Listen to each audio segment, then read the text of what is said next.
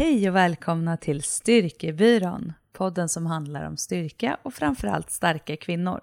Vi som pratar heter Johanna Barvelid och Klara Fröberg och jobbar som personliga tränare och med kommunikation. Idag ska vi prata om olika variationer på marklyft.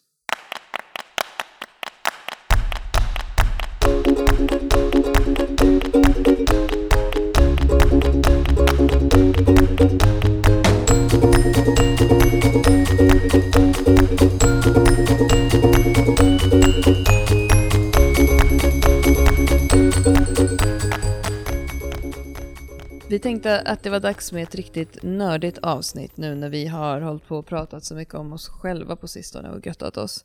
Så marklyft, höftfällning som själva rörelsen heter, som ju är en av de mest älskade övningarna för de flesta av våra PT-kunder och som såklart går att nörda ner sig lite extra i. Så det ska vi göra idag. Men först så ska vi ta upp en fråga som vi fick på Instagram, eller som du fick Johanna Mm. på Instagram. Mm. Och den frågan var så här, hur mycket väger du Johanna? Ja, det var det. Och vad tänker du kring det? Ja, men jag tänker, eller vi pratar ju sällan om vikt och vikt i sig är ju egentligen inte eh, relevant tycker jag, eh, förutom såklart om man ska tävla i, i styrkelyft, men då är ju vikten ändå mest relevant för en själv. Eh, Nej men när det gäller vikt så är det så att, att jag, jag är ju väldigt svårt för när man inte har något syfte. Var, vad är syftet? Varför ska man behöva ha det? Liksom, vad, liksom, vad ger de siffrorna? Eh, jag har absolut inget problem med att säga vad jag väger, men det man ska tänka på med vikten och varför vi är så anti är ju att en, en siffra på en vikt säger ju ingenting om kroppen. Alltså, om jag säger att jag väger någonting så är det ingen som har en aning om hur min kropp ser ut på insidan. Och det blir också då när man ska prata om att liksom kunna relatera till, för det var det som var lite i den här frågan, just att hon, att det var så här, hon tyckte att det var intressant att relatera till sig själv och att hon skulle liksom gå upp i vikt för att eh, eh, bli beefigare och sådär. Eh, att det, det blir ju ändå så här, det finns ju olika sätt att gå upp i vikt och eh, det finns olika, eh, vad, hur kroppen ser ut inne, alltså invändigt, vad, hur mycket muskler det är, hur mycket fett det är, hur mycket vätska, alltså, men de bitarna att ha, är ju liksom, det är de som är intressanta eh, om man vill bli starkare. Eh, så att, eh, ja, jag vet inte, jag blir lite, jag blir så här, vad, är syfte, vad fyller det för syfte? Så tänker jag alltid. Som du ställer, samma fråga som du ställer med allt. Det, Vill du ha ett rött hårspänne? Vad är syftet med det? Ja. Nej, nu ska jag bara. Nej, men faktiskt så varför den här personen frågade det, det är ju för att vi i förra avsnittet, eller om det var avsnittet innan, pratade om att både du och jag är lite sugna på att gaina mer muskler Ja. och liksom gå upp i vikt.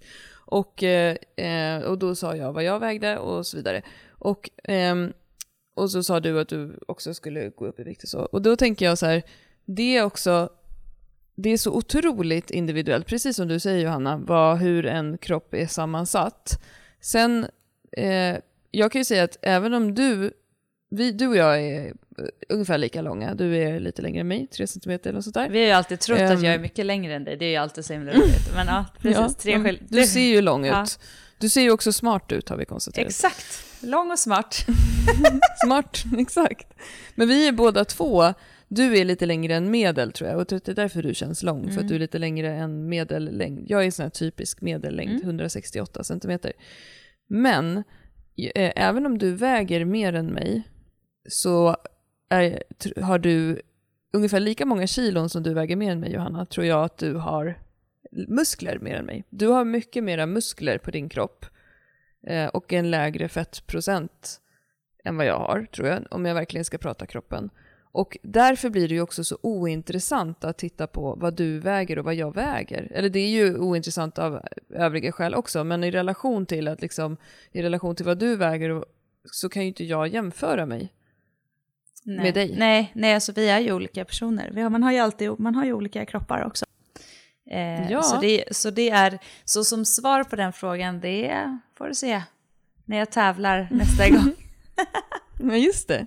Ja, för då blir det ju officiellt. Ja, Då kan man ju gå in och söka upp resultat och se vad Exakt. någon väger. ja. Men, Men jag, ärligt, men, talat så vet skillnad, jag inte, ja. ärligt talat så vet jag inte ens vad jag väger nu. För att jag väger mig liksom Alltså jag väger mig aldrig. Eh, sen så vet jag så här, ungefär vad jag brukar ligga på när jag liksom har ett flow och när jag känner mig stark och sådär. Mm. Men jag tror tyvärr att jag ligger lite under det nu efter min Thailandsresa. Cardio-utrensningen som vi kallar den. ja, vi känner oss båda två lite klena efter Thailand. Jag vägde mig ganska mycket när jag hade som mål att bänka min kroppsvikt. ja men precis, för då tänkte du att om jag går ner lite nu så kommer jag klara det här. Nej då. Men, Nej, det gjorde jag inte. Men det var ju, det var ju en härlig känsla när jag, när jag kunde göra repetitioner i bänk över min kroppsvikt. Ja, tyckte Ja, jag. nej men så att, så att det blir väldigt så här, därför är, jag, är vi lite liksom så här, att det inte finns så mycket anledningar. Men jag, ja, Ja, men det är ju ändå så spännande med kroppar och jag tänker så här, personer som ser, eh, tittar mycket på Instagram och kanske följer folk på Instagram eller följer dig på Instagram. Eh, jag kan jämföra med två personer som jag följer på Instagram som jag tycker är superhäftiga kvinnor. Är till exempel styrkelyftaren Elinor Svensson som vi har pratat om någon annan gång i podden, jag minns inte vad det var, varför. Eh, hon tävlar i minus 84. Eh, hon är så jäkla snygg tycker jag, och muskulös. Och har eh, alltså en, en väldigt definierad muskulös kropp. Och sen så har vi Steffi Cohen som är din och min girl crush just nu. Eh, amerikansk styrkelyftare som faktiskt var den första kvinnan nu nyligen som drog fyra gånger sin kroppsvikt i marklyft i raw powerlift, vilket är ju helt stört. Hon väger ju 56 kilo och är ju sjukt bitig. Ja. Och jag tror att om man träffar henne IRL i köttvärlden så tror jag att hon är typ två äpplen hög. ja, så hon kommer... Men båda de här personerna, man ser dem på Instagram så är det inte någon som tänker så här, ja det skiljer några kilon emellan dem. Nej. Man tänker så här, två skitsnygga bitiga tjejer. Ja, men det, och för att det blir lite irrelevant. Det är i och för sig intressant för att hon just har fyra gånger sin kroppsvikt. Eh, Men, eh, och någon dag ska vi träffa henne IRL. Mm. Eh, det är ju målet såklart. Eh, världens coolaste brud skulle jag säga just nu i min, i min, i min värld. ja, eh, Ja, fy, fyra, fyra gånger kroppsvikten i mark, det är en bit kvar alltså för Ja. mig. Jag vet inte, hur känner du? ja, men jag känner också att det finns ett gäng kilo att jobba på.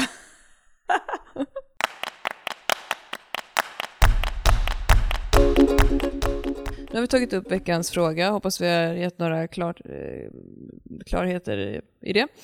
Eh, eller snarare oklarheter som, som vanligt när det gäller dig och mig.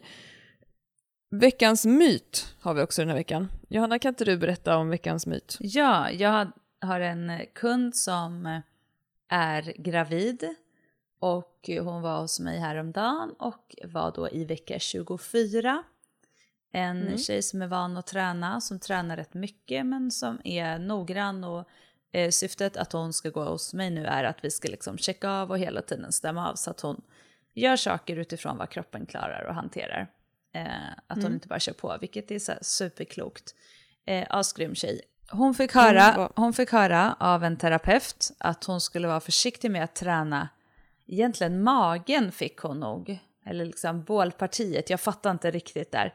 Eh, för att om hon gjorde det och blev för stark under graviditeten så skulle sannolikheten vara större att hon spricker eh, när hon då eh, är på förlossningen. Att hon ska spricka mer av den anledningen då, för att hon blir för stark så att hon tar i så mycket så att det skulle då liksom forcera hela verkarbetet på något sätt. Eh, Det var hennes, så hon var ju såklart, det är hennes första barn och var ju så här, det vill man ju inte ska hända, liksom, om man kan välja att inte göra så. Och det är ju så här, jag tycker att det är lite skrämmande att det, för att många gånger tänker man så här, men nu har vi har kommit en bra bit och så vidare med det här med träning och graviditeter och så vidare.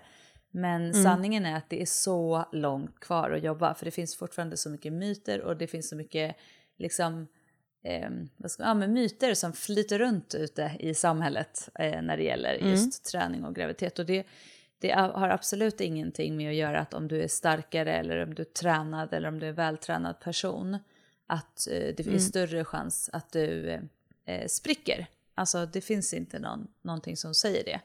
Eh, och det finns bara positiva saker med att vara stark i en förlossning. Alltså hur du orkar med, hur kroppen återhämtar sig. Allt, alltså hur du klarar av sen efteråt. Att eh, liksom inte få ont, att eh, liksom komma tillbaka till den styrka du hade tidigare och så vidare. Mm. Så det finns liksom inget negativt och jag kan säga att om man bara tittar på, jag kan ta en handfull personer som jag känner, alla av dem som är tränade tjejer har ingen spruckit. Eh, och jag vet väldigt många som har spruckit som aldrig har tränat. Alltså, så det är liksom, det är bara så här, äh, nej, nej, nej. Alltså det, jag har också hört det där förut från kompisar som har hört det där från någon också, att det är bättre att vara lite slapp Ja. och sådär. Och, och ehm, jag minns att när vi gick vår utbildning, träning under och efter graviditet med Maria Wigbrandt, att vi tog upp det här också Mm. som en sån myt och att hon sa eh, just att det handlar ju om förmågan att eh, eh, ha kropps, alltså du får ju en större kroppskontroll om du tränar. Mm. Och det är inte bara under förlossningen. Alltså, u- den, den stunden som barnet passerar i en vaginal förlossning där nere, den är ju inte jättelång. Nej. Alltså, det är ju en jobbig stund, kan jag säga, som har gjort det. Vad säger man? The ring of fire?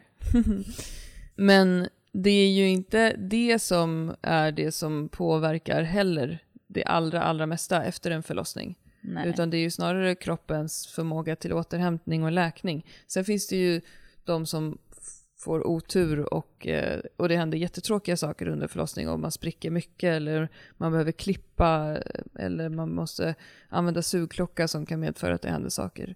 Eh, och då, då får man ju såklart en längre återhämtningsprocess efteråt.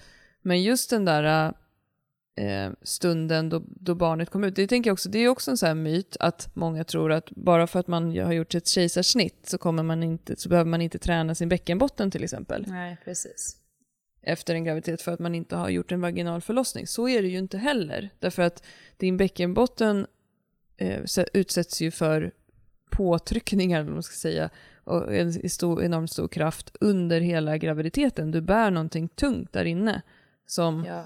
absolut påverkar, alltså på slutet av en graviditet, när man precis innan barnet föds, och då har jag inte ens gått över tiden, jag kan tänka mig hur det känns annars, då känns det ju verkligen som att man går runt med en kokosnöt där inne nere. ja, men du är fortfarande Bebisen. uppmjukad, allting, allt som är liksom, Mm.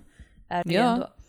En, eh, men så vi kan väl bara slå, Lugna. slå hål på de myterna att, att Mm. bara för att man tränar och är stark så kommer det inte vara per definition att man spricker mer. Mm. Eller att som vissa har jag också hört så här, att om man är väldigt vältränad så tar det längre tid för barnet att komma ut för att musklerna är starkare. Eh, det, så är det ju inte riktigt heller. Nej. Så. Kroppen Mm. är grym, den fixar det där. Det är alltid bra att träna. Det finns Ja. liksom aldrig någon anledning att det är dåligt att träna. Nej. För det går ju alltid att träna på bra sätt. Ja, Så. bra. Då har vi slagit hål på den myten. Bra. Ja. Ska vi snacka lite deadlift då? Deadlift, det är en favorit. Ja. ja, men jag har ju alltid hävdat att det är en favorit för dig för att du har så långa armar. Ja, och det vet jag att när vi hade Matilda Wilmar med i podden i ett avsnitt när hon var gäst Mm. så sa ju hon också att hon hatade marklyft för att hon hade så korta armar och då så började vi garva och så sa att det är därför jag älskar marklyft då så det var ju där det föddes lite att, att jag Ja. har så långa armar men, och det fick jag också lite så svar på när jag eh, i somras när vi var på en djurpark och så stod det en sån här jätteapa med utsträckta armar, alltså på en bild. Så skulle man då kunna ställa sig vid den och liksom se så här hur långa armar man har, typ jämfört med en sån här, vad det nu var, någon schimpans eller något. och jag hade ju så sjukt, alltså det var ju liksom, jag var insåg ju att mina armar tar ju aldrig slut.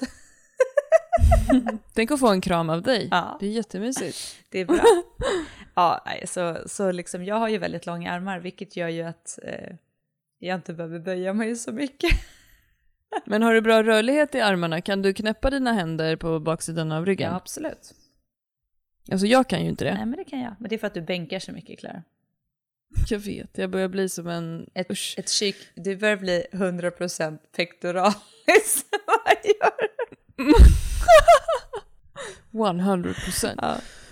Eh, Ja. Eh, nej men eh, jag har ju inte då lika långa armar som du. Jag tror, men däremot så tror jag inte, jag vet inte, men vi måste utreda det här Johanna. Mm. Har jag kanske lite korta armar eller? Du vet när man, när man ska göra L-sit på golvet. Mm. Eh, alltså man sitter på golvet, det är ju en jättebra gymnastisk bålövning. Och så, så ska man ju lyfta upp sig Mm. på händerna. Vi fick ju göra den på yoga när vi var i Thailand. Det är inga problem för mig. Jag, kom, jag, jag kommer ju inte ner till golvet med mina handflator och när jag jag kan sitter ju, upp. Om jag trycker ner mina händer och trycker upp mig själv, så klart måste man ju Då vara stark kommer i du upp flera decimeter Ja, som en liten truck. Ja, en, decimeter, en decimeter i alla fall kommer jag upp. Alltså jag kan ju trycka upp mig själv på mina fingerspetsar Ja, lite grann. Ja. Men jag når ju inte ner med händerna när Nej. jag sitter nej, rakt på men dig. du ser, och det gör jag. Ja, men det är spännande. Men det är ju ändå intressant i det här där vi ska prata om idag. Framförallt Mm. eh, eh, den första delen där vi ska prata eh, smal mark eller vanliga mark kontra sumo. Eh, Mm. Att just det här eh, att vi faktiskt har olika vinklar. Alltså det är ju någonting som så generellt eh, jag, man måste vara mer, eller jag tycker så att man ska vara mera noga med att ta hänsyn till. Det är så många som säger så här, men jag har hört att man ska stå så här, eller jag har hört att man ska Mm. böja benen så här mycket och så vidare. Mm. Och att just det här med vad vi har för vinklar, hur långa ben vi har, hur långa armar vi har, hur vi, vad vi har för rörlighet i höft och så vidare. Alla de här delarna eh, blir ju så liksom, viktiga i hur vi väljer och hur vi gör våra marklyft. Verkligen. Och sen det här uh, hur våra lårben fäster in i höften blir också väldigt avgörande. Mm. Vissa har en fästning av lårbenet väldigt rakt framåt och vissa har eh, lårbenen fästa lite mer utåt sidan, vilket också kommer avgöra eh, till exempel hur brett man står när man gör sina knäböj. Mm. Och det är ju klart att det, när, när man tänker på det så är det så självklart. Vi ser ju helt olika ut. Så det känns ju lite befängt att man för kanske 15 år sedan sa så här ska ett marklyft se ut Mm. eller så här ska ett knäböj se ut eller så här ska du ha dina fötter under bänken när du bänkpressar. Mm. Men det var ju så roligt också, nu måste jag berätta så här, för det här är ju Klara, här saker gör ju Klara Fröberg eh, när hon inte kan sova på nätterna nu är inför det här avsnittet. Så får man ju en bild, så får man en bild skickad då på dig i din startposition i sumomark. Och så, så har du lagt Steffi Cohen då som nu är våran girl crush här, hennes då eh, startposition i marklyft eh, bredvid. Det är bra att jämföra med de bästa. Man ska jämföra med de bästa, man ska alltid titta på hur gör de bästa. Men det som är intressant och väldigt roligt är att dels så är ju hon, det här är alltså då kvinnan som drar eh, fyra gånger sin Fyra kroppsvikt. ja men det är bra, henne ska man jämföra då kollar jag lite. Jo men det som är så himla spännande att se det är ju just det här med eh, hur positionen är i kroppen, eh, era rörligheter, men också att så inse hur mycket kortare hon är. Alltså det var ju som vi konstaterade, hon är så här 15 centimeter kortare än mig liksom, när man tittar på. Eh, att det, det är väldigt spännande att titta just på personer och på startpositioner. Vart hamnar man? Hur måste man förflytta sig för att skapa en bra, en bra position? Men eh, så det är det bara en liten, eh, det var bara en liten parentes här hur vi, hur vi, hur vi, hur vi, Hur vi jobbar. beter oss. Ja, jag klippte, idag gjorde jag ett annat collage och skickade till en annan person där jag jämförde, eh, insåg att en svensk kändis är väldigt lik Hannibal Lecter i När lammen tystnar. ah, ja, okej. ja, ja, men det är ändå härligt. Den kan jag skicka till dig Ja. sen. Ja, ja, men det är spännande sådär. Jag tycker att, Ja, nej men, men, det, men det som var kul med Steffi Cohen-bilden var ju just det att se att när hon står i en startpositionen i en sumomark så är hennes skreve, om man får säga så, vad man nu vad säger på ett fint Ja. ord på svenska, eh, kanske Könsvecket. 15 centimeter. könsveck. Men gud. Va? Ja, the, the, the crotch är typ... Va? Håller du, har du en skrattattack nu? Vad ska Vi säga då? Vi måste ju komma på något bättre. Könsvecket! Det var det värsta jag har hört. Vi måste ju komma Skrevet! på något bättre. Alltså, the, the, alltså, den delen på kroppen. Ja, alla vet vad jag menar. Okej, men skrevet Ja, det låter det- så manligt på något sätt. Jag skulle vilja ha ett Ja, kvinnligare det? uttryck tycker jag. Men, alltså, the groin säger man väl på engelska som är liksom ett mer kliniskt ord. Okej. Eller har jag helt fel nu? Nej. Okej, men vi Ja, vi säger får det. efterlysa det Ja. här helt enkelt. Ja, hon har i alla fall skrevet typ 15 centimeter från stången i startpositionen. Mm.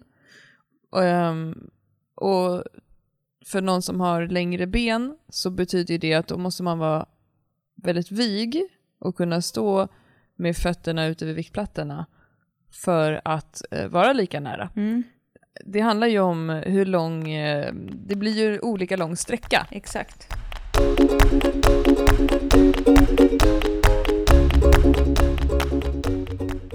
Ska vi inte ta bara och eh, liksom backa här och eh, bara Mm. titta först på grundrörelsen. Vad marklyft liksom? Vad har vi för någonting? Ja, vad pratar vi om? Vad pratar vi om för någonting? För de som inte är lika insatta i Steffi Cohens startposition som vi är. Och hur nära henne skrev jag. det är underbart. Jo, men marklyft, om man ska gå till grunden med det, så är det en av de grundrörelser som jag tror, när vi pratar om vilka rörelser vi belastar i gymmet, så är det en av de rörelser som vi gör oftast i vardagen. För det handlar ju om att vi gör en fällning i höften och kanske plockar upp någonting lite längre ner på golvet, på en stol, på en hylla, inte vet jag, och eh, förflyttar det till en annan plats, kanske lägger upp något på en högre hylla. Då gör vi ju en höftfällning. Till skillnad från knäböjningen så sker ju knäböjningen i höft, eh, det pratade vi faktiskt om i förra avsnittet, och knäled samtidigt. Medan eh, marklyft så primärt så fäller vi i höften, men vi har en lätt böjning i benen. Men det i rörelsen är ju att vi, att vi trycker rumpan bakåt och framåt. Mm. Bra beskrivet. Jag kommer ihåg när vi, Johanna, när vi, för flera år sedan när vi gick PT-utbildning och blev så här totalt insnöade på det här med vad det var för rörelse som en muskel gjorde. Eller, och då skulle vi som vår första liksom, PT-uppgift instruera varandra i så här, att säga till en person hur den skulle göra knäböj. Ja. Och då gick alla fram till klienten och sa så här, jag vill att du gör en maximal flexion Ja. i knäled och höftled. Och det våra trä- de som vi hade, typ tränarna eller coacherna, de bara, är det så du kommer säga till din, till din kund sen? I gymmet. Kan du göra en maximal? Ja. nej men det är, ju, det är ju så, man måste ju börja där och lära sig och nörda i, nörda i för att sen kunna ta det till en nivå som passar för den man coachar. Mm. Men eh, höftfällning helt enkelt. Hö- höften bak. Ja. Eh, för personer som vi träffar som inte förstår höftfällningen, det låter ju kanske konstigt att man inte skulle göra det, men många gör ju en knäböjning istället för att göra en höftfällning. Så brukar vi ibland ställa dem framför en vägg och sen säga att de ska dutta i väggen med rumpan bakåt. Ja, och många gör ju framförallt skulle jag säga första gången när de tänker att de vet hur de ska göra är ju att de fäller i ryggen. Alltså att de, höften är egentligen i princip stilla stående, den rör sig inte. Utan att det är en fällningen man gör och fäller fram överkroppen bara istället för att skjuta bak rumpan. Eh, vilket är också en, en anledning till varför många får eh, säga så här, jag gör marklyft men jag får bara ont i ryggen när jag gör dem. Mm. Är ju för att man inte har koll på själva rörelsen. Mm, och när ett marklyft är, eh, känns bra för kroppen efter att man har utfört det så har man ju väldigt mycket använt benen Absolut. och man har hållit ryggen neutral. Mm. Ryggen hakar på benens rörelse Mm. och eh, benen slår på och marklyft tränar ju hela baksidan på kroppen. Mm. Eh, ibland om man har gjort riktigt tunga marklyft kan man ju ha träningsverk hela vägen uppifrån nacken ner till, ner till fötterna. Ja, Om man verkligen har jobbat med hela baksidan. och vi vill ju använda kraften ifrån ben och rumpa eftersom vi är Mm. starkast. Vi vill ju inte primärt lyfta med ländryggen. Nej. Ehm, även om det kommer, det är också en sån fråga som jag brukar få från nybörjare. Jag fick träningsverk i ländryggen dagen efter. Ja, det är klart, man jobbar är ju, det farligt? Man jobbar ju med ryggen Nej. såklart. Det går ju Ja. bort. Ja. Nej. Måste jag ha en anspänning? Ja. Vad är skillnaden då, Johanna, om man säger ett konventionellt klassiskt marklyft eller ett smalmarklyft som vissa kallar det, mot ett sumo-marklyft? Mm, Ett sumomarklyft så är vi, står vi ju bredare med fötterna. Eh, Och hur brett vi står med fötterna är ju såklart beroende på vad vi har för rörlighet, hur långa, hur långa ben vi har, hur vi, alltså hur vi kan komma in till stången. Men då flyttar man alltså ut fötterna mot viktplattorna och vrider ut tårna så att man liksom öppnar upp eh, hela Mm. höftpartiet. Och sen så håller man händerna om man tänker, det är lite olika som olika gör, men ett, en, någon typ av startläge är liksom nedanför axeln, alltså ungefär axelbrett. Eh, Till skillnad från när du gör ett vanligt marklyft så står du med fötterna typ axelbrett och har händerna strax precis utanför eh, knäna eller arm, benen liksom. Så man trycker nästan emot händerna mot benen, brukar jag säga. Men, men Johanna, är det, om, jag, om man tänker på vart, hur jag drar stången, Mm. är det någon skillnad på stångens placering mot kroppen i sumomark eller smalmark? Eh, ja men precis, det blir en skillnad. Alltså du ska ju i, i marklyft generellt så vill du ju dra stången nära. Du ska ju egentligen helst dra dem på benen. Eh, men Mm. det som blir skillnaden i en sumo är ju att du drar den på insidan av knäna mer. Alltså eh, stången går mer på insidan och i ett eh, vanligt smalmark eft- eller klassiskt eh, så ha, hamnar du mer på eh, liksom mitt på vad säger man, smalbenet och rakt på knät. Eh, alltså att stången går ut efter där. Så att det blir en skillnad i att du har öppnat upp och drar den mer på insidan. Så att du, när du gör ett, um, ett sumomark så vill du i din startposition, som du sa också det här med könet, eh, skrevet, att du vill liksom närma dig stången på ett annat sätt eh, och liksom trycka in dig i, i, jag brukar tänka att jag vill så här, trycka in mig i stången. Är ni med på hur jag menar? Det låter så här konstigt, men i ett, i ett eh, vanligt marklyft eh, så hamnar du inte på samma sätt där, för då har du ju liksom eh, kroppen mer ifrån, alltså då är det ju, eh, då har du ju Höften höften, längre är längre ifrån. ifrån stången, precis. Eh, för då gör du ju en fällning och sen så har du ju benen där i vägen, så då kan du ju inte riktigt trycka in den mot könet. Mot könet. Ja, jag minns en av mina första eh, gånger jag studerade sumomarklyft var i en video av Dave Tate som driver Elite Fitness och som tidigare har tränat med Louis Simmons på. Westside Barbell och han instruerade sumomarklyft och då säger han så här Keep the nutsack over the bar. Det är väldigt så här manly manly och det är så här American flag on the wall och så. Men det är ju, det är ju när jag eh, inser eh, min anatomiska problem med sumomark så är det ju att min nutsack finns, för det första så har jag ingen, men om jag hade en så är den ju väldigt långt It's- ifrån stången, för jag är ganska stel i höften. Och sen en annan sak, det här du sa med knäna, eller var man drar stången någonstans. Ja. Eh, vet man med sig att man gör sumomark och slår i eh, stången i knäna, Mm. så är det för att man inte har öppnat upp tillräckligt mycket. ja, för det Och blir... vissa har ju lätt, lättare för det och vissa har ju svårare såklart. Ja, för det du vill när du vrider ut fötterna, det som vi pratar om och som är en av principerna i träning, led i linje, eh, blir ju, om du vrider ut foten så är ju syftet då att knät ska följa med. Tårna ska inte peka snett utåt och knäna rakt fram. För då, har, då hamnar du i en dålig position för din egna kropp och då ska det, kanske du ska se över om det är liksom att du inte har rörligheten för att göra det. Så att liksom, syftet är ju att du ska kunna vrida ut och öppna upp eh, för att Ja. kunna göra övningen.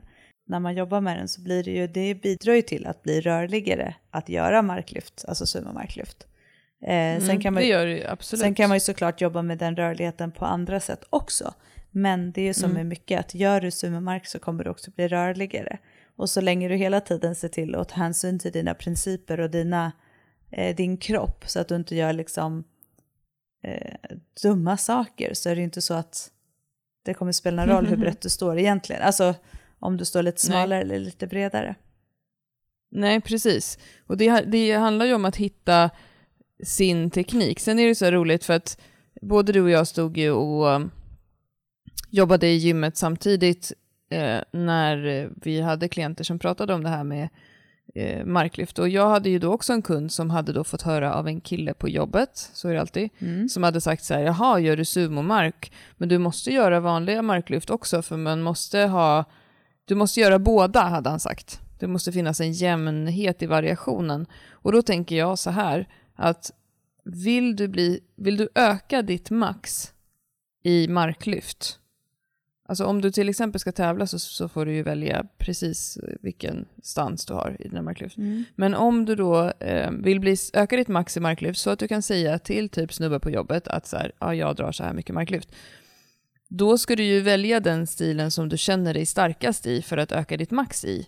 Sen kan du ju använda den andra stilen, eller andra stilar som vi också ska prata om i det här avsnittet, för att variera eh, som assisterande övningar. Och då kan ju till exempel, om jag känner mig starkast i smala marklyft, då kan jag ju använda sumomark som du sa Johanna, som en assisterande övning för höftfällningen, men där jag också kanske lite extra får eh, jobba med min rörlighet. Ja, men det är också så här spännande tycker jag. Det där är så så där, och det där är ju hela tiden.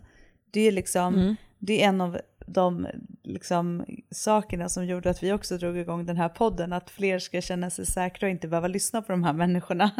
Men liksom, det är ju så spännande att man bara säger en sån sak. Att, liksom, som att det är så, då är det hela tiden så här, men vad är, du vet ju inte vad mitt syfte är. Om jag vill bli bra i sumo Nej. så gör väl jag sumo liksom. Mm. ah, jag blir galen på sånt Men, men du, vad heter det, Klara, en annan sak då som ändå, som ändå dyker upp i, liksom när man börjar prata så här riktigt tunga lyft och människor som lyfter tungt och det är att det här med att sumo, att det är fusk. Det händer ju ändå. Ja, det hör man ja, ju. det är jätteroligt. Mm. Det såg jag en gång på Jenny Adolfsson, Kitsune, som är en av eh, Sveriges starkaste styrkelyftare, kvinnor. Det var någon som hade skrivit på hennes YouTube-kanal så här, Åh, 163 kilo eller vad det var hon drog i mark. Det är ju såklart eh, att det är lätt när det är sumo. Mm. Eh, vad säger du eh, om det Johanna? ja, 163 Nej, då... kilo är ju 163 kilo, jag lovar dig. Även om du gör Exakt. sumo eller vanligt. Ja, och då var det någon annan som har skrivit så här, men gör 163 kilo själv i marklyft då, idiot, mm. typ. ja, men... Och det är ju så. Alltså sumo är jättetungt eh, för någon, för mig till exempel. Och eh, smala marklyft är jättetungt för någon annan. Ja, och det handlar ju om vad man har för liksom som vi pratade om, vinklar i kroppen, vad du har för möjligheter, hur din, vad du har lättast att hitta liksom, aktivering. Och sen är det ju så att du är ju aldrig starkare än din svagaste länk. Så spelar det ingen roll mm. vilket, du, vilket du gör. Eh, sumomark kommer sätta andra krav på, eh, eller lite andra krav såklart, än vad vanliga marklyft gör. Och tvärtom. Mm. Vilket innebär att det är inte någonting som gör att du liksom kan fuska. Det vill säga, det är inte så att jag kan skita i att vara stark i hela bålpartiet för att jag gör sumo, för att jag inte behöver böja mig på något sätt utan att jag bara ska ställa mig upp. Utan mm. du måste ändå ha en styrka i hela kroppen om du ska kunna dra 160 kilo i sumo eller om du drar det i vanliga. Mm. Eh, så att det är mm. liksom, eh, nej, den slår vi hål på. Den, den som säger mm. det kan ju testa och dra som de här. Men, och sen är det ju mm. faktiskt så att Eddie Hall, tror jag han heter, Eddie Hall, ja, jag och min engelska, eh, som har världsrekordet i marklyft eh, på vad är det, nästan 500 kilo va? Eller vad är? Du är Klara du har väl mm. koll på exakta siffror? 1100 pounds är 498,95, ja. 499 kilo. Ja, du ser, ja, 500. 500 ja. kilo. Han drar ju vanliga, alltså smal mark då som man säger. Så att eh, mm. om det skulle vara så att det är eh, fusk, då skulle han förmodligen dra eh, sumo och dra ännu mer då i sånt fall. Så att det är också så här, eh, det går inte att säga så, utan det handlar om Nej. hur vi ser ut, Eh, vi kommer fortfarande behöva vara jäkligt starka, hållfasta och stabila i hela kroppen. För att mm. eh, en svag länk kommer ändå att falla igenom även om man gör sumo. Mm. Just det. Bara för att jag börjar göra sumo.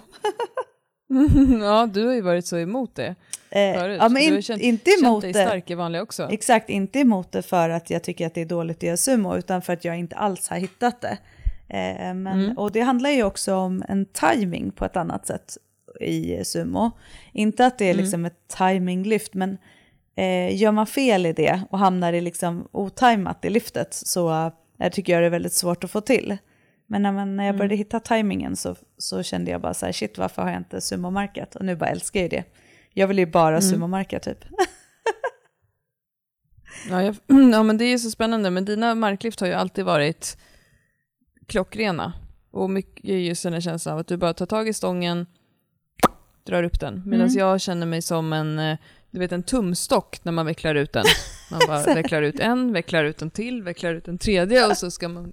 Ja, så känner jag mig när jag gör marklyft och fortfarande så känns det inte så kul. Men eh, vi går vidare.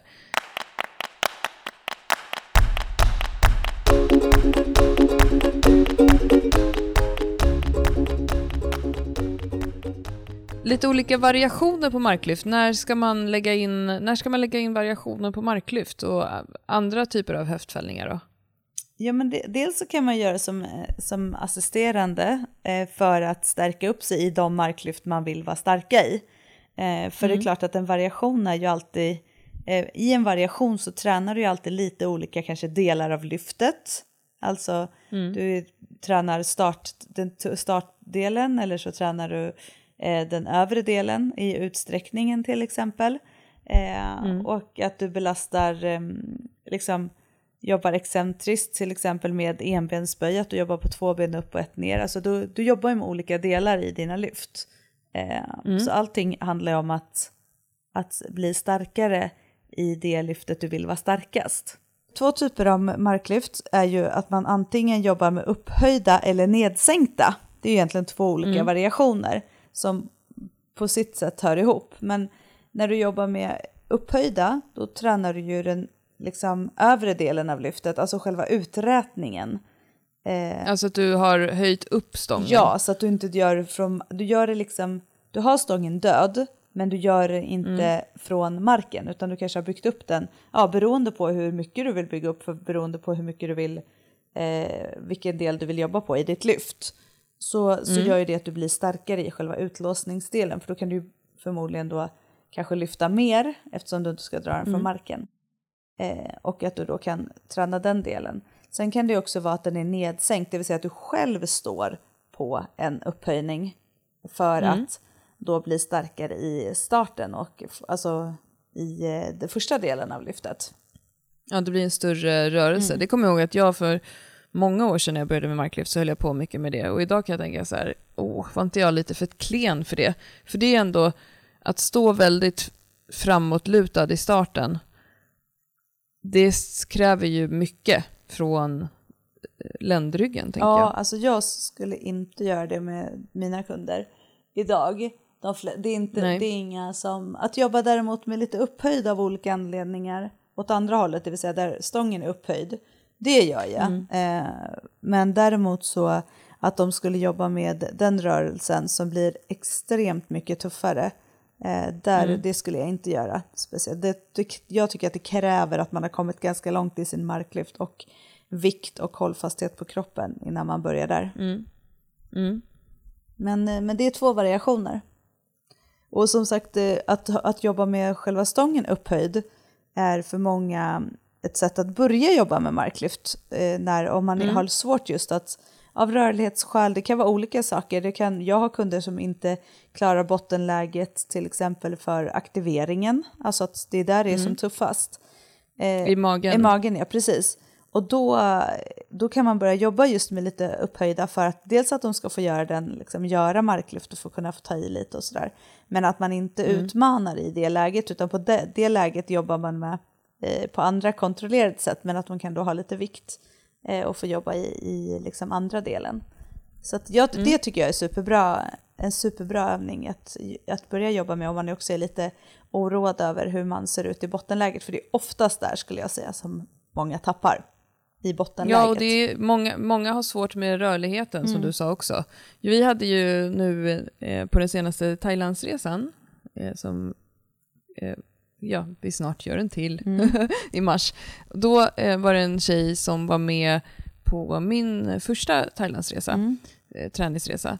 Och eh, då gick vi igenom grundrörelserna och då, det var en tjej som bara höll på med löpning, ingen styrketräning. Och då sa jag, och sa jag till henne att jag inte tyckte att hon skulle göra marklyft från golvet för att hon tappade ryggen då. Mm. Hon orkade liksom inte hålla bålen eller ja, det kan ju vara olika skäl. Så jag sa, sa just, gör upphöjda marklyft ett tag. Och sen hade hon gjort det. Och det var ju över ett år sedan jag träffade henne första gången. Och aldrig testat från golvet. Och nu var hon med i Thailand igen. Och, eh, och så sa jag till henne, testa ifrån golvet. Och nu såg det jättefint ut. Hon mm. hade liksom byggt upp en solid grund, fått en förståelse för rörelsen och fått byggt på sig mera muskler. Och kunde nu göra fina marklyft ifrån golvet på 60 kilo. Det var ju så här, jag älskar ju sånt. Det är så kul när man som tränare får vara med på den resan. Ja. Det är så himla roligt. Ja, och då har ju hon också gjort det liksom stabilt istället för att stått ut från marken och haft en halvdan rygg och kanske skadat sig. Mm. Det är ju verkligen... Mm. Ja, men så det gillar jag. det är en bra, en bra skalning av marklyft tycker jag. Mm. Verkligen. Vad har vi mer då för göttiga grejer? Jag är ju lite av den eh, filosofin att jag tycker att så här, just i grunden, träna på det som du vill bli stark i och det som du vill bli bra på i grunden. Det måste du alltid prioritera i din träning. Och sen kan du lägga in de här, precis som du sa Johanna, variationerna för också att lura kroppen lite grann. För det pratar ju vi ofta om, det här med principen om anpassning, att kroppen kommer alltid vilja anpassa sig till all typ av träning vi gör för att liksom hitta ett slags grundläge där den vet så här funkar det. Och det är därför vi hela tiden måste utmana den och skapa en variation. Och det kan man ju verkligen göra med att hela tiden byta ut sina assisterande övningar och hela tiden eh, försöka bli bättre på dem. Så kommer man ju hela tiden ta med sig någonting till den första övningen. Och en, en favorit i marklyft som jag har lagt till också mycket på sistone är ju marklyft med ett gummiband som motstånd, eller då för gärna två gummiband. Den är lite krånglig att utföra, därför att många gym idag har inte till exempel krokar i golvet och sånt där man kan fästa gummiband. De, de allra flesta gym har ju inte det. Nej. Eh, och då kan man faktiskt då, om man tar ett sånt här eh, som vi brukar kalla för powerband, såna här röda, de smalaste banden som man kan göra chins i, så kan man fästa, dra en ögla runt en ganska tung hantel och dra en ögla runt en till ganska tung hantel. Så att, snodden, så att det går liksom, snodden går emellan de här två hantlarna. Så kan man göra det likadant på två hantlar till. Så kan man lägga stången under dem. Det funkar faktiskt ganska bra. Mm. Ibland kan man behöva lägga viktplattor på de där hantlarna också. Det finns ju variationer där jag har sett att folk står på en viktplatta och så har de dragit en, ett gummiband under viktplattan och dragit runt stången. Jag har testat det. Jag tycker inte det känns eh, tryggt. Nej. För jag får en känsla av att gummibandet ska liksom snärta upp och glida av. Ja, men det är lite, gummibandmarken är lite klurigt. Eh, mm. men, men vad är syftet då med Klara med gummibandet? Förklara det också. Jo, men syftet med gummiband, jag använder ju det jättemycket i alla möjliga övningar, hantelpressar, bänkpress, eh, knäböj, det är ju att det, det skapar mer och mer motstånd ju mer gummibandet spänns. Ja. Så att det blir en, en skillnad i hastigheten. Det är ett sätt att jobba mer med hastigheten och det är ett sätt att göra själva utlåsningen av marklyftet, alltså i toppen, lite tyngre. Mm. Du kan ju också göra eh, fästa gummiband i till exempel då taket på en rigg och sen fästa på stången så att det blir tvärtom, att det blir tyngre och tyngre när stången är nere vid golvet. Men det är lite mer avancerat och lite krångligare. Men ett gummiband är en skön känsla av att du verkligen får eh, trycka på med höf höften. Smacka på, är det inte du som brukar säga det? Jo, smacka på. Det är härligt. Mm. Men sen så, så kan man ju också göra marklyft med paus. Ja. Pausmark. Mm. Mm, också kul. Jag har själv eh, en liten förkärlek för att använda det i, i just utlärningen av sumo mm. till folk. Eh, för att det skapar en förståelse för att det är från knä och upp i en sumo. Det enda du behöver göra är att räta ut benen. Och försöka göra så att man inte använder ryggen så mycket där. Mm. Men pausen är ju också ett sätt att bygga styrkan ytterligare i ett läge där det är som tyngst. Upp till knät brukar man säga är som tyngst i ett marklyft. Kommer du över knät så har du oftast eh, en väldigt stor chans att du kommer att eh, klara rörelsen. Mm. Och då kan man jobba med att addera den där extra pausen. Dels så får man ju fler sekunder som man håller stången totalt och håller vikten och jobbar med vikten. Men dels så får man också en chans att slå på höften, slå på rumpan ifrån ännu ett eh, dött läge. Ja.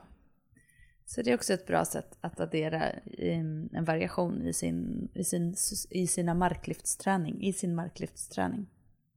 Mm -mm. Men sen finns det också något som kallas för trap bar. Det är de här som har ett hexagon, säger man, sex, vad säger man att den har för någonting? Eh, det är i alla fall de som man står i själva stången. Det är som en ram. Nära könsskrev Nej. eller vad sa du? vad heter ett sånt där mönster? Hexagon? Ja, vad är det? En, två, tre, fyra, fem, sex. sex. Ja. ja. det borde vara hexagon. Ja. ja. I alla fall, så man står liksom i, eh, i stången så att den går runt den och så har man handtag på sidorna av liksom, benen och så sticker mm. ut som eh, där man sätter viktplattorna på. Eh, det är ju också ett sätt att jobba med marklyft i en sån. Det blir ju en annan typ av belastning, alltså tyngdpunkten hamnar ju på ett annat ställe. Eh, Mm. Så det är också ett, ett sätt att variera och göra det lite annorlunda. Ja, precis. Och den kan ju också användas eh, av personer som inte har så bra rörlighet för att komma ner till stången Mm. i ett vanligt marklyft. Dels så brukar man kunna hålla bröstryggen bättre när man har armarna längs med sidan av kroppen. Mm. Och dels så kommer man ju upp lite mera i en trap bar. Och dels så kan man också jobba med ett marklyft som är lite mer sittande, Ja. vilket många brukar tycka är lättan, lättare. Det blir lite mer benfokuserat. Mm, precis. Sen är ju trapbaren också jättebra eh, att lägga på vikt och promenera med. Ja, för greppstyrkan och för eh, Mm. styrka i hela kroppen. En av våra favoriter att eh, gå med tunga vikter. Yes. Mm. Så den är bra. Mm. Men eh, några enbensmarklyft, brukar du göra det nu för tiden Johanna? Nej, jag gör faktiskt det in... eh, Jag gör faktiskt det inte alls skulle jag säga. Jag gör inte alls det just nu. Eh, Jag har haft det tidigare i, i programmeringar där jag har jobbat upp på två ben och ner på ett ben. För det blir som en excentrisk eh, variation egentligen. Att man, man gör ett... Uppåt, upp blir det ju väldigt lätt för att du gör på en vikt som du sen ska kunna hantera att gå ner på ett ben. Eh, Så att det har jag gjort eh, en del, men jag gör inte det just nu. Men Nej. eh, det är en tuff, tuff variant att jobba med, tycker jag. Ja, ja, verkligen. Och där kan man ju till exempel jobba med eh, en PT-klient som kanske behöver jobba med bålen och höften. Att kunna balansera så kan man jobba med väldigt lätta enbensmarklyft, till exempel med en kettlebell eller en hantel eller en viktplatta eller, eller en lätt stång också. Ja, Just den, den här klassiska draken ja. som den heter. och den gör jag med mina Eh. kunder. Jag har flera kunder som jobbar med den. Framförallt kunder som jobbar just mycket med eh, det här med, med bålaktivering. Så använder jag den. Mm. Jättebra också för kroppsuppfattningen Mm. att känna när, hur, hur är min höft i detta läge. Eh, men däremot det som, som jag tycker också med det här med enbens och för den delen också gummiband och trappar och alla den här typen av variationer. Återigen så vi pratade om innan. Det du vill fokusera på, det är ju det du ska prioritera och träna på mest och först. Och sen är alla de här sakerna kryddor som, som du kan lägga till. Och det finns ju hur många andra variationer på marklyft som helst också. Det finns ju eh, dead march heter det väl, när man marscherar, alltså man går i en höftfällning med hantlar till exempel. Och sen finns det ju kettlebellsvingar som vi älskar också, också jättebra eh, variation av höftfällningen. Mm. Och um, du kan jobba med raka marklyft med kettlebells och så vidare och så vidare. Alla är ju variationer på höftfällningar. Ja, och då har du ju också Good Morning sen såklart. Eh, som är en Mm. av våra favoriter om man pratar höftfällning. Ehm, Mm. Så det finns ju många, många bra saker att bli starkare i höftfällning. Men framförallt det du sa, kettlebellsvingar skulle jag säga, är ju, vill man eh, utveckla sina marklyft så gör man kettlebellsvingar med, tung, med en tung kettlebell och gör dem liksom explosiva och tunga så kommer, du att, kommer det att ge en bra input på dina marklyft. Men Mm. då kan du inte stå och svinga någon 12 kilos kettlebells med armarna. Nej, precis. Då gäller det att ta lite, någonting så du får lite power. Ja, och drivet i höften som vi vill ha. Mm. Så att det blir en höftdominant övning som vi vill i ett marklyft. Mm. Mm. Men du, Fasen var grymt. ja, men du då, Ja. då, då, ska jag, då måste jag bara få sluta äh, säga så här då. Eh, Mm. en fråga som du ska få svara på nu tydligt här så alla förstår. Så att de vet vad de ska Mm. säga om någon säger något knasigt till dem. Vem Mm. ska göra sumo? Den som vill bli starkast i sumo och den som känner sig starkast i sumo. Och den som vill lägga in det som en assisterande övning till sina smala marklyft. Men känslan i vilken, om du känner dig ehm, starkast i smala marklyft eller sumomarklyft, den kan bara du bestämma själv och vad som känns bäst för din kropp. Bra, bra svarat. Fick godkänt på den. Nej, Oh, jag trodde Puh. du skulle svara det beror på. ja. du, Johanna, ja. eh, vi ska strax ta och avrunda tycker jag. Ja. Och gå och dead, deadlifta lite. Men vi måste göra lite reklam för vår nästa träningsresa till Thailand också. Ja. Som, som vi gör tillsammans med Lovisa Sandström och eh, Apollo. Eh, det, om man missade, om man nu hade typ stängt ner Instagram och avföljt oss och sådär, hur härligt vi hade det på förra resan, så eh, kan man gå in och kika på vårt Instagram. För där har vi lagt upp väldigt mycket eh, sol, skivstänger, mopedåkning, stränder och så vidare och så vidare. Så kolla in. Eh, vi har också en länk på vårt Instagram till nästa resa om man vill åka med oss. För då är vi coacher tillsammans med Lovisa. Ja. Och eh, det är inte en resa bara för den som, den som är kung på sumomarklyft. Nej, det är en träningsresa Utan med massor med härliga Vem som helst kan åka med. Men vi kan däremot inte garantera att man får se oss live på mopeder igen. Det kan ha varit sista gången. Man kan få slippa det snarare. Ja, men man vet aldrig. Erkänn att du saknar lite att köra i eh, mottrafiken Ja, där. men idag så körde jag bil framför, eller bakom en mopedist. Moppeist. Ja. Ja. Och då, tänkte, Och då saknade då du kände lite. jag lite så här, fasen vad härligt att sätta på moppe och köra. Det blir nog det nästa gång vi är i Thailand också. Mm. Men då kör Oh, jag. jag måste smälta det där lite grann. Ja, Mm, excellent driver. Ja. ja. men så kolla vårt Instagram. Eh, så nu har vi gjort eh, nog med reklam Ja. i den här podden. Nu får det vara nog med det. Härligt, häng på Mm. Bra. om ni är sugen i alla fall. Det blir skitkul. Häng på. Eh, idag har vi snackat om marklyft, smala marklyft och sumomarklyft. Vad är det bra för? Vem ska göra det? Vad tränar vi när vi tränar marklyft? Vi har också pratat om lite andra variationer till marklyft som du kan lägga in i din träning. Till exempel pausmark eller Eh, partiella marklyft där du jobbar med en upphöjning eller nedsänkning. Gummiband som krydda eh, eller olika typer av enbensmarklyft eller kanske till och med släng in en trapbar i din träning om du har möjlighet. Fortsätt att eh, prata marklyft i vårt kommentarsfält. Det tycker vi är det roligaste som finns när ni snackar och ställer frågor.